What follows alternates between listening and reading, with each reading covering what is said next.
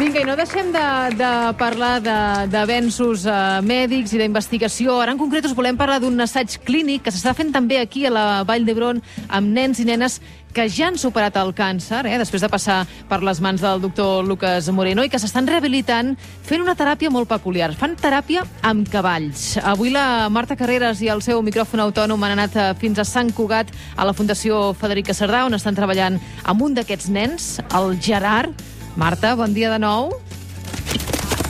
Hola, Laura, bon dia. Ja sents, eh? Cavalls corrent per aquí a, a l'hípica. És aquesta hípica especialitzada.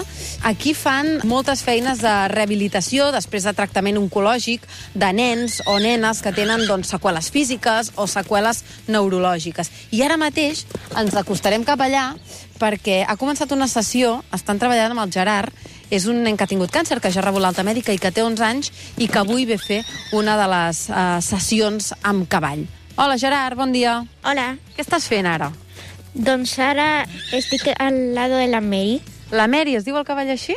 Sí, Quan vens aquí, què és el que més t'agrada? Quina és la part que més t'agrada? doncs cuidar els cavalls, netejar-los i muntar-los. I quan estàs sobre el cavall, què sents? Doncs estic a gust, no tinc por, estic content. Quantes sessions has fet? Quants cops has vingut amb el cavall? Moltes per comptar-la. I havies muntat mai a cavall, tu, abans? No, I el primer cop, què? el primer cop estava molt, molt content. No et vas posar mai nerviós, eh? No, Carai, Gerard. I és que la Mary fa cara de ser molt bona. sí. I quins exercicis faràs ara quan pugis? Doncs faré uns exercicis on tinc que provar a caçar uns arts en un bosc i a trobar uns animals i diure's en anglès a veure si sé. Ostres, doncs pinta molt divertit, això. Sí. Ho és, eh? Doncs et deixo aquí cuidant a la, a la Mary i me'n vaig a parlar amb, la teva mare. A veure, què li aporten al Gerard venir cap aquí? Uf, li encanta, és, li tranquil·litat, felicitat, moltíssima, i sobretot mm, és que s'ha notat moltíssim des de que està venint a muntar a cavall. És una passada. Mira, ara se'n van ja cap allà amb la Mary, el Gerard. De què necessita recuperar-se el Gerard? La part dreta, per exemple, que la té més dèbil, el que és la cama, el braç, l'ull, la boca, l'oïda, que l'ha perdut també molt, però està superbé. Bueno, ja el veus caminant, és una passada. Des que està venint he notat un canvi bestial. No caminava, ara ja va sense cadira de rodes, Què dius? Sí. O sigui, camina perfectament. Per per això t'ho dic, això ha anat superbé. Amb la força de les cames, pensaven que mai més com- caminaria. És una passada, des que està venint. I quantes sessions ha fet? Unes 10. Ara el Gerard està pujant al cavall, la Teresa li està col·locant uh, bé els estreps, uh, li està donant les regnes i algunes indicacions, i nosaltres ens acostarem cap a ella perquè ens pugui explicar una mica què és el que farà i què és el que fa també amb altres nens, perquè tracta diferents patologies i necessitats de diferents nens. Us puc interrompre un momentet? Sí. Sí? D'acord. Doncs, Teresa, per què els cavalls?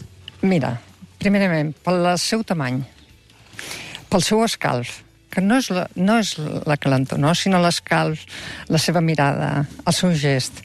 Després, sobretot, pel seu ritme. I pel seu moviment tridimensional, que és el mateix moviment que nosaltres fem a l'inici de la marxa. Llavors, quan tenim un nen que la marxa no l'ha tingut adquirida, o que té problemes, doncs el cavall l'ajuda a iniciar la marxa. I a partir d'aquí, doncs potser nens que caminarien uh, d'aquí mig any, el cavall fa que avancin aquesta, aquest període. I ara m'ho deia la mare del Gerard, eh, Gerard, que, que el canvi que has fet des de que has vingut aquí és espectacular. Tu t'ho notes, això? Sí, me noto molt.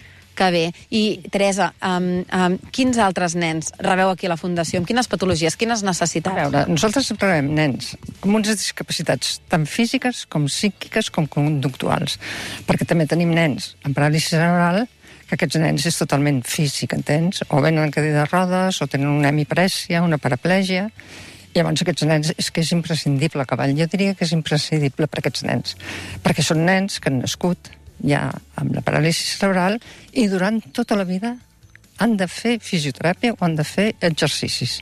Què millor que el cavall? I això se sap prou? Arriba als pares? Mira, els pares són els que més ens ajuden, perquè ells de boca a orella són els que diuen el meu fill ha millorat, feu-li fer hipoteràpia, feu-li fer, feu-li fer. Llavors, els pares ajuden molt. No, clar, és molt important, no?, perquè una teràpia que potser molts poden imaginar-se com a alternativa, que estigui dins integrada dins el sistema sanitari, que s'involucrin sí. centres de referència com el que és la, la Vall d'Hebron. Que la, que la hipoteràpia no és una alternativa, sinó és un complement, uh -huh. perquè aquests nens continuen fent logopèdia, continuen fent uh, fisioteràpia, però el complement del cavall és imprescindible i tu parlo amb la mare, t'ho dirà, els nens t'ho diuen, s'ho passen molt bé perquè és que tota la teràpia és un joc. Va, doncs us deixo que la Mary ja comença a caminar, comenceu ja aquesta classe d'avui, aneu cap al bosc, que vagi molt bé, i nosaltres, Laura, ja ho veus, hem pogut conèixer la història del Gerard, aquest nen que ja ha superat el càncer, que ha vingut aquí, que ha començat a fer classes i treball i teràpia amb els cavalls i que els resultats estan sent òptims. Vist que bé va? Va, va,